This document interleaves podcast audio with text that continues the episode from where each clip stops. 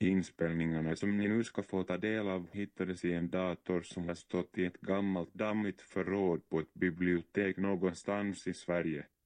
Ingen har använt datorn på många, många år. Vem det är som pratar på inspelningarna har vi ingen aning om. Ingen aning om, ingen aning om, ingen aning om, ingen aning om, ingen aning om.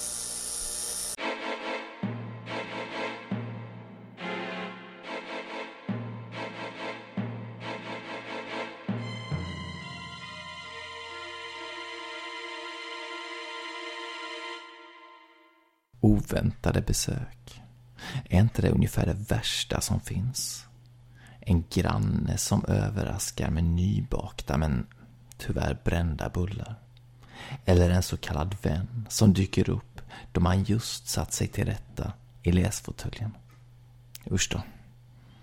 Jag minns när min gammelfaster skulle envisas med att titta förbi för att umgås sent varje kväll. Det var fruktansvärt. Hon hade dött två år tidigare, så ni kan ju tänka er hur hon såg ut. Sladdrigt skinn och ruttet kött. Och hennes andedräkt, den var ett kapitel för sig. Till slut fick jag ta till vigvatten för att jaga bort henne. Hm. Men eh, nu ska vi inte tala om mig. Istället ska ni få höra om andra människor som också fått oväntade och obehagliga besök. Håll till godo. Låt oss börja med en historia som vi kan kalla Creepy Face. Den finns att läsa i engelsk version på scaryforkids.com. Jag och min dator är oskiljaktiga. Varje dag när jag kommer hem från skolan sätter jag mig framför skärmen. Sedan blir jag sittande där hela kvällen. Jag hänger med mina kompisar på sociala medier, spelar spel och lyssnar på musik. En kväll när jag som vanligt satt i min sköna datorfåtölj såg jag att jag hade fått ett märkligt mejl. Det var från en tjej som jag hade gått i skolan med när jag var yngre. Men nu hade jag inte sett henne på många år. Ämnesraden var tom och när jag öppnade mejlet stod det inte mycket där heller. Bara förlåt. Strax bredvid detta ord fanns en emoji. Det var den där smileyn som blinkar med ett öga och räcker ut tungan. Och intill denna figur var det en klickbar länk. Jag klickade aldrig på länken eftersom jag antog att det var något slags virus. Jag bestämde mig för att radera mejlet istället. Då jag kom hem från skolan nästa dag låg ett nytt mejl i min inkorg. Det var från en kille som jag hade varit ihop med för flera år sedan. Vi hade inte pratat sedan vi gjort slut. Mejlet från honom såg exakt likadant ut som mejlet jag fått dagen innan. Både ordet förlåt, emojin och länken fanns där. Nu blev jag nyfiken och klickade på länken. Genast fylldes skärmen av vita bokstäver på svart bakgrund. Vill du veta hur lång tid du har kvar? stod det. Under denna mening fanns en knapp för ja och en knapp för nej. Utan att tänka mig för klickade jag på ja. En fruktansvärd bild dök upp på datorn. Det var ett foto på en blodig kropp som var alldeles sönderhackad. Under bilden stod det 42 timmar. Skräckslagen stängde jag ner bilden. Precis när jag gjorde detta fick jag en skymt av min spegelbild på datorskärmen. Jag kan svära på att jag såg en man kika fram bakom min axel. Hans tunga hängde ut och han blinkade med ena ögat. Livrädd vände jag mig om, men det var ingen där. Mina händer skakade och jag kunde inte sluta tänka på den obehaglige mannen. Jag provade att mejla min expojkvän och fråga varför han hade skickat länken. Men jag fick aldrig något svar. På fredagen träffade jag några vänner. Vi gick på bio. Det var en lång film och när vi klev ut ur biomörkret var klockan halv tolv. I bussen på väg hem fick jag syn på något som gav mig rysningar. Jag satt och tittade ut genom fönstret då jag plötsligt fick se en man. Han satt på en bänk i en busskur. Men han klev inte på vår buss när den stannade vid kuren. Istället satt han kvar på sin bänk och stirrade intensivt på mig. Det var en speciell man som jag hade sett tidigare. Han blinkade mot mig samtidigt som han lät sin tunga hänga ut, som tungan på en andfådd hund. Bussen åkte vidare och mannen försvann ur mitt synfält, men i min hjärna var han för alltid inristad. Nästa dag sov jag länge och spenderade sedan större delen av dagen framför TVn. När jag knäppte på datorn den kvällen var det med ett visst obehag i kroppen. Jag kände mig av någon anledning nästan tvingad att kolla om jag hade fått några nya märkliga mejl. Det hade jag inte. Men just som jag skulle stänga av datorn igen fylldes skärmen av ett obehagligt budskap. Fyra ord. Din stund är kommen. Plötsligt slocknade lampan i rummet och ett fruktansvärt vrål hördes från datorn. Det var så kraftfullt att mina små datorhögtalare skakade och föll omkull. Sedan dök ett nytt meddelande upp på datorskärmen. Öppna dörren, öppna dörren, stod det säkert hundra gånger. I högtalarna kunde jag höra hur någon klagade och gnydde. Det hela var otroligt skrämmande och värre blev det när någon plötsligt knackade hårt på min dörr. Knackningarna blev högre och högre, men jag vågade inte öppna. Så plötsligt blev det tyst. Skrämmande tyst. Jag höll krampaktigt i stolens armstöd. Så fruktansvärt rädd var jag att jag nästan glömde bort att andas. Ett försiktigt skrapande ljud var vad jag hörde sedan. Det lät som om det kom från mitt rums enda fönster. Jag tittade dit. Vad jag fick se glömmer jag aldrig. Mannen med det märkliga utseendet stod med ansiktet tryckt mot fönsterrutan. Hans tunga hängde som vanligt ut och han blinkade mot mig. Det skrapande ljudet uppkom genom att han drog en groteskt lång nagel längs med glaset. När jag bara satt kvar som förstenad och inte gjorde någon som helst ansats till att komma och öppna till honom slutade han att skrapa med sin nagel och började slå på glaset med handflatan istället. Hårdare och hårdare slog han och man kunde tydligt höra hur det knakade i glaset. När som helst skulle rutan spricka och gå i tusen bitar och då skulle det inte finnas annat än luft mellan mig och galningen där ute. Jag måste komma på ett sätt att rädda mig själv på. Snabbt öppnade jag min mail igen och letade efter personer som jag inte kände så väl. Mina ögon fastnade för Jarrod, en kille som gick i min klass på mellanstadiet. Jag öppnade meddelandet med den blinkade smileyn och den obehagliga länken och vidarebefordrade det till honom.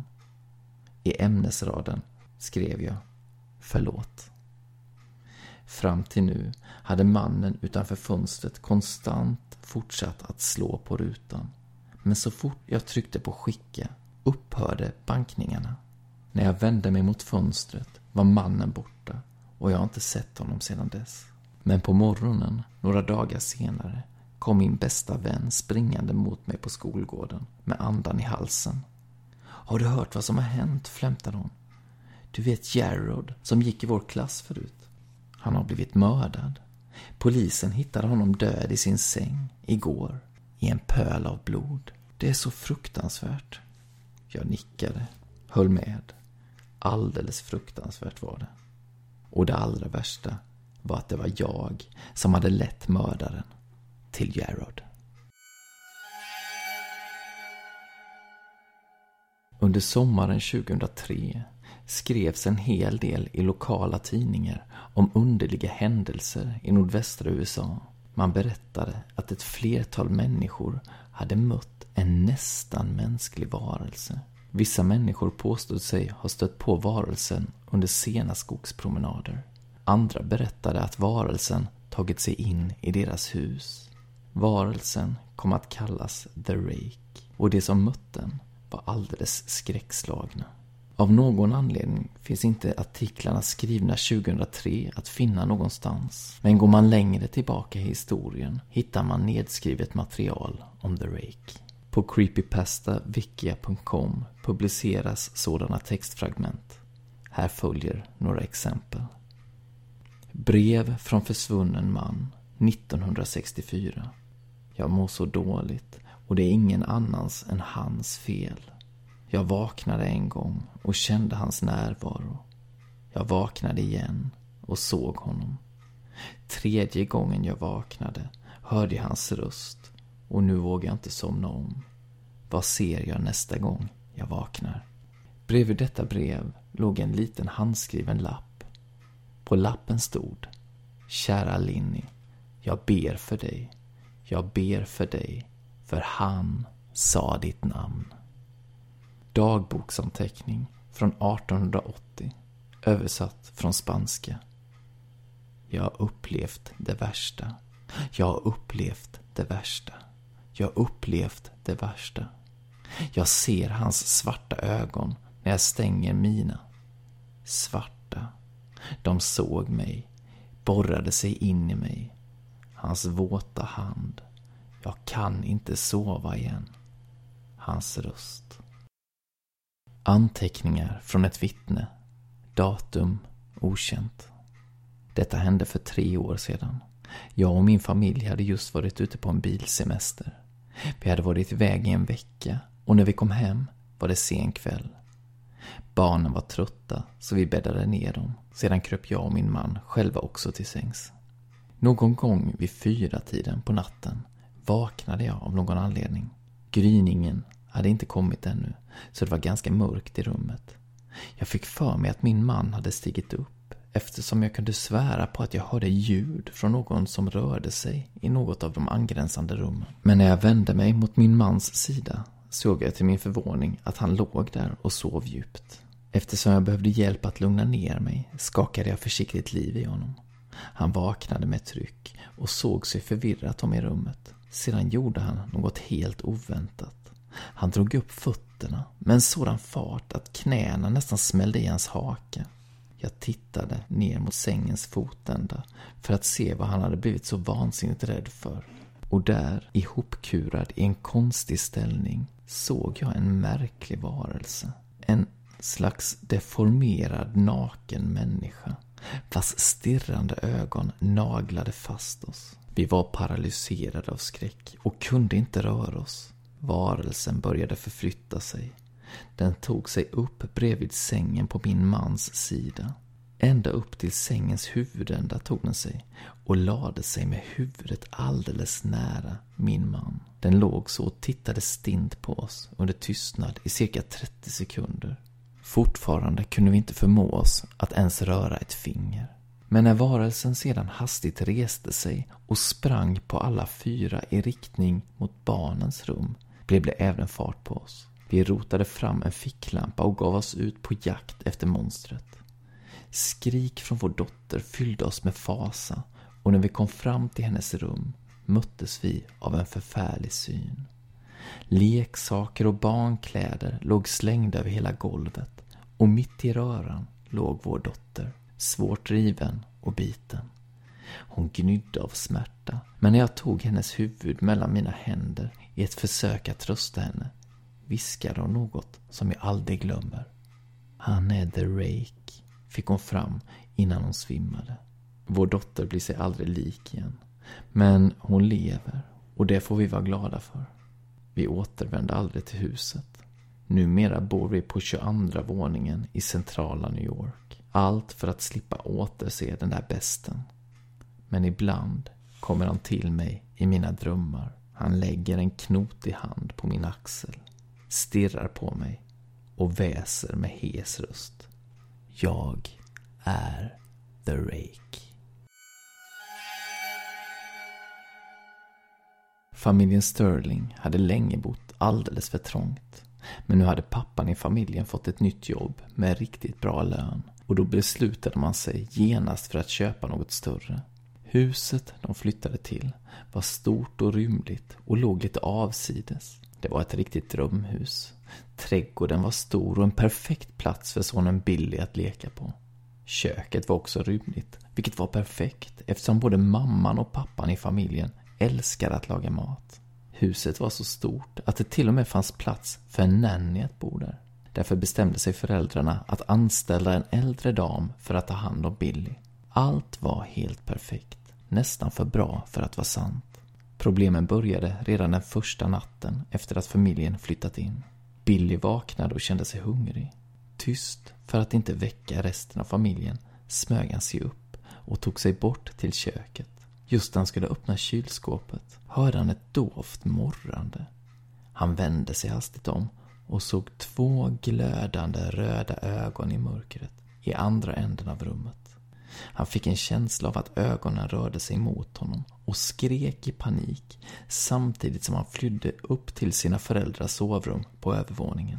Föräldrarna tog honom inte på allvar. Det är ju inte så ovanligt att en åttaåring inbillar sig att han har sett ett spöke. Flera dagar gick utan att något annat konstigt inträffade. Billy var fortfarande omskakad och kunde inte släppa tanken på de röda ögonen som han sett. Så en kväll hade familjen gäster. Det blev sent innan besökarna gick hem och när mamman skulle börja röja upp i köket var klockan över två på natten. När hon stod där och diskade hörde hon något som lät som en morrande hund.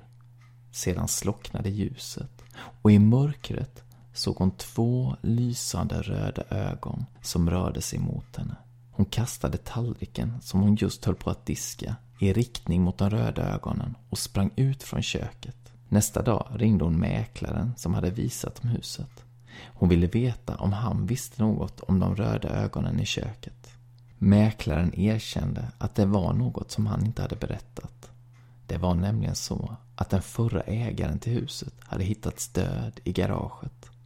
Allt tydde på att hon hade tagit livet av sig genom att hänga sig, men man hade inte hittat något avskedsbrev. Den kvällen, när Billy somnat, satt föräldrarna och nannyn i köket. De diskuterade vad det egentligen var som hände. Vi är nog alla lite överspända, sa Nanny. Det måste finnas en logisk förklaring. Mamma blev upprörd. Jag vet vad jag såg, nästan skrek hon. Hur kan du förklara att både Billy och jag hörde och såg samma sak? Precis då upptäckte pappan att termostaten som reglerade värmen i huset och som satt på köksväggen var försedd med två röda lampor. Dessa lampor skulle kunna misstas för ögon i ett mörkt rum.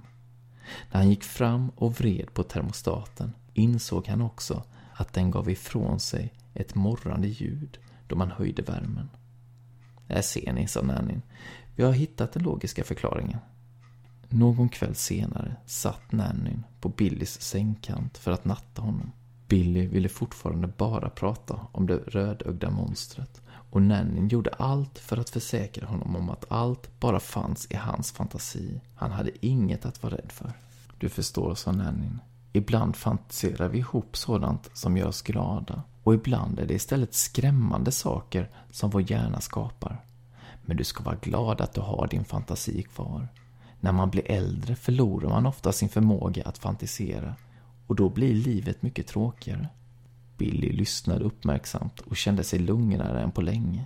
Nanning gav honom en godnattpuss på kinden och reste sig långsamt. Hon släckte nattlampan och började treva sig bort mot dörren för att lämna rummet. Men någonstans mellan sängen och dörren stannade hon upp, mitt i ett steg.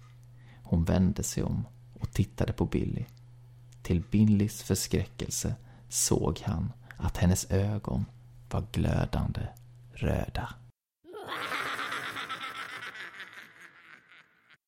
Kanske vill ni se en film om det rödögda monster ni nu har fått höra om. Gå då in på Youtube och sök på Red Eyed Creature. Till sist ska jag läsa en väldigt gammal historia skriven av Knut Hamsun. Den heter Spöket och finns bland annat att hitta i Nya Spöktimmen. Flera år av min barndom tillbringade jag uppe hos min farbror på en prästgård i Nordland. Det var en svår tid för mig. Mycket arbete, mycket stryk och sällan eller aldrig en timme till lek eller nöjen. Eftersom min farbror var så sträng bestod egentligen min enda glädje i att gömma mig undan och vara ensam. Om jag någon gång hade en ledig timme så begav jag mig ut i skogen eller gick till kyrkogården och strövade omkring bland korsen och gravstenarna. Prästgården låg ovanligt vackert alldeles vid Glimma, en bred älv med många stora stenar vars brus hördes dag och natt, natt och dag. Uppe på en kulle låg kyrkan och kyrkogården. Kyrkan var en gammal korskyrka av trä och kyrkogården var utan planteringar och gravarna utan blommor. Men tätt intill stenmuren växte de härligaste hallon, stora och saftiga bär. Jag kände till varje grav på hela kyrkogården. Det fanns inga blommor på gravarna, men det växte istället om somrarna högt gräs på hela kyrkogården. Det var så högt och strävt att jag ofta satt där och lyssnade till hur blåsten susade i det egendomligt sträva gräset som räckte mig ända upp till magen. När dödgrävaren arbetade hade jag ofta en pratstund med honom. Det var en allvarlig man som sällan log, men han var mycket vänlig mot mig och när han stod där och skottade upp jord ur graven kunde det hända att han ropade åt mig att gå lite ur vägen, för nu hade han ett stort stycke av en höft eller en grinande dödskalle på spaden. Jag hittade ofta ben och hårtestar av lik på gravarna och grävde då alltid ner dem i jorden igen, som dödgrävaren hade lärt mig. Jag var så van vid detta att jag aldrig kände en rysning ens när jag såg dessa skelettdelar.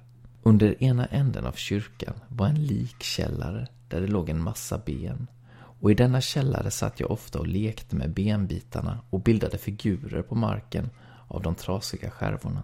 Men en dag hittade jag en tand på kyrkogården. Det var en framtand, skimrande vit och kraftig. Utan att jag visste varför stoppade jag tanden i fickan. Jag tänkte använda den till något. Fila någon slags figur av den kanske. Jag tog tanden med mig hem. Det var höst och mörkret föll tidigt.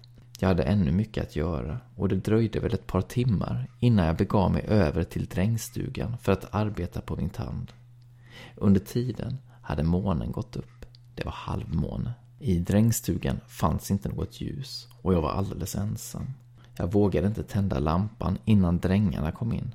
Men jag kunde nog jobba i skenet från vedspisen om jag eldade ordentligt. Jag gick därför ut i skjulet för att hämta ved. I skjulet var det mörkt. När jag trevade mig fram till veden kände jag ett lätt slag, som ett finger, på mitt huvud.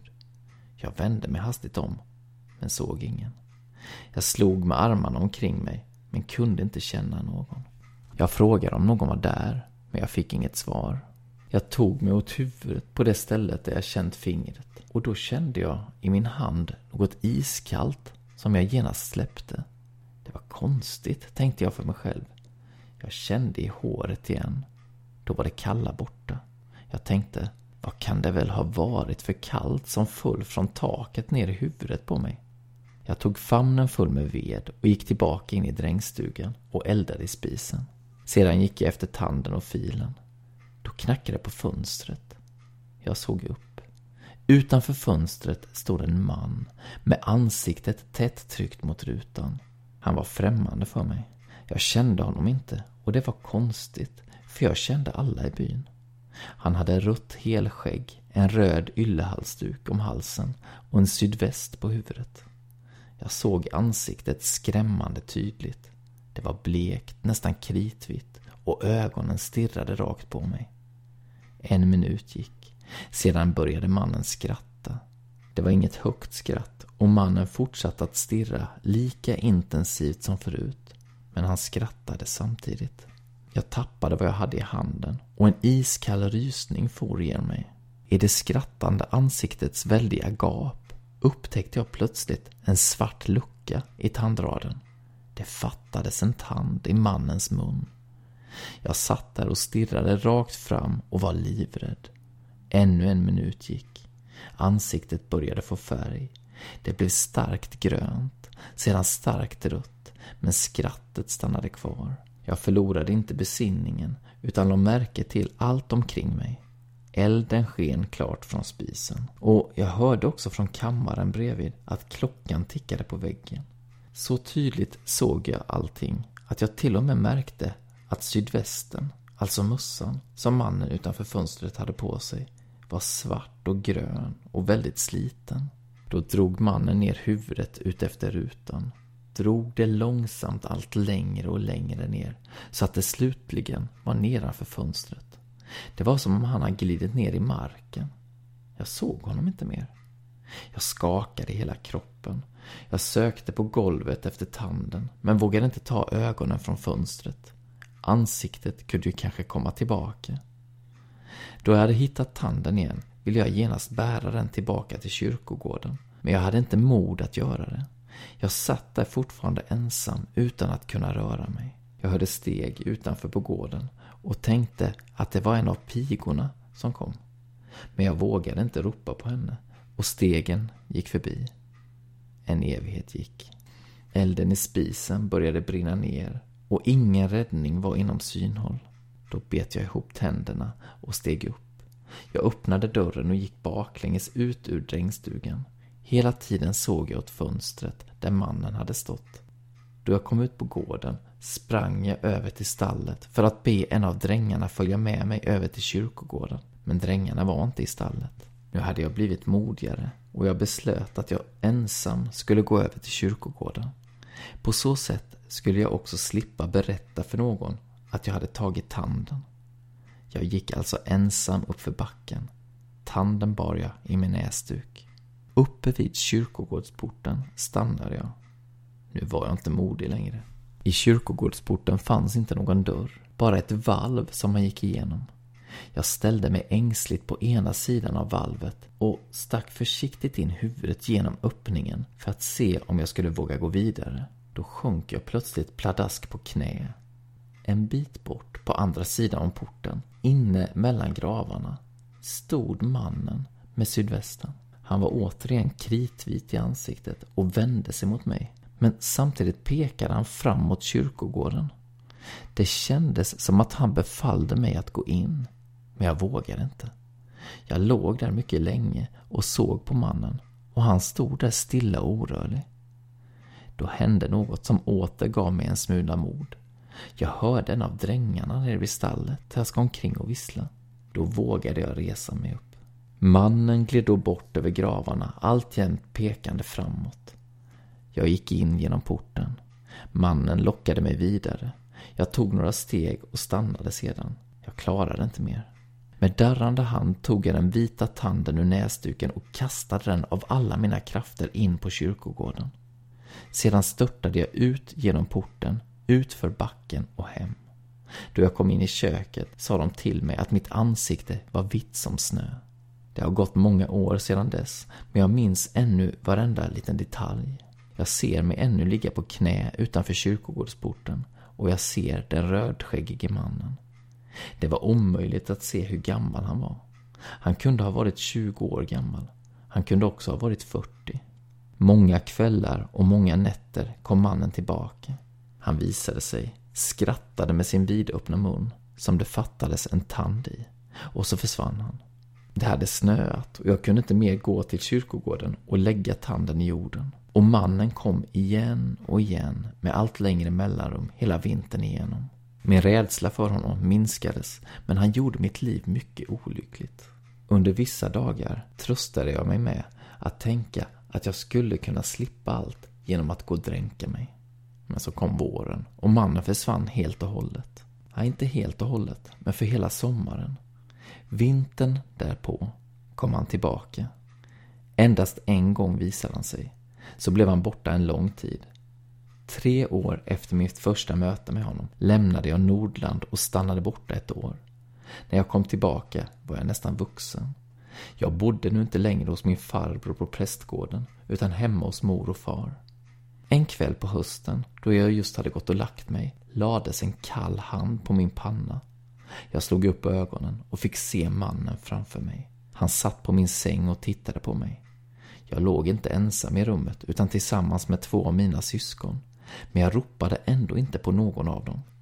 Då jag kände det kalla trycket mot min panna slog jag med armen omkring mig och sa Nej, gå din väg. Mina syskon frågade från sina sängar med vem jag talade. Då mannen hade suttit stilla en stund började han vagga av och an med överkroppen. Han blev större och större. Slutligen stötte han nära på i taket. Och då han tydligen inte kunde komma mycket längre steg han upp och gick med ljudlösa steg från min säng och gled genom rummet till kakelugnen där han försvann. Jag följde honom hela tiden med ögonen. Han hade aldrig förr varit så nära mig som denna gång. Jag såg honom rakt i ansiktet. Hans blick var tom och slocknad. Han såg på mig, men på samma gång liksom förbi mig, rätt igenom mig, långt in i en annan värld. Jag la märke till att han hade grå ögon. Han rörde inte ansiktet och han skrattade inte.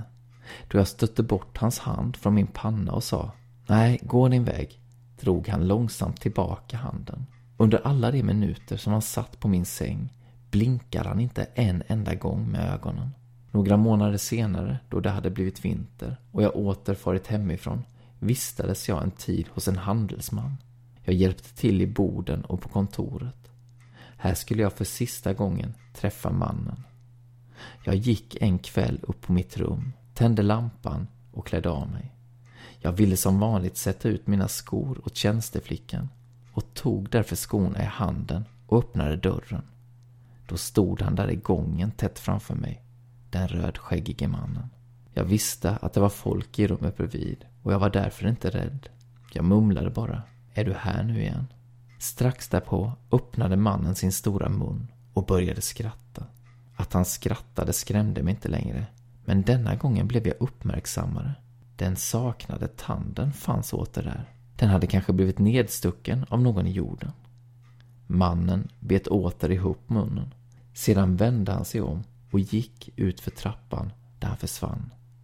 Sedan dess har jag aldrig sett honom och det har nu gått många år. Denne man, detta rödskäggiga spöke från dödens rike, har gjort mig mycket ont genom den rädsla han skapade hos mig. Men ändå har han kanske inte enbart gjort mig skada. Jag skulle kunna föreställa mig att han har varit en av de första anledningarna till att jag har lärt mig bita ihop tänderna och visa mig orädd. Det är något som jag då och då under mitt senare liv har haft användning för. Mm, du bör nog vara på din vakt nästa gång någon ringer på din ringklocka eller bankar på din dörr. Kanske står det ett kritvitt spöke där utanför. Eller ett rödögt monster när du öppnar dörren. Och kom ihåg, till nästa gång, ondskan finns där ute. Så håll ögonen öppna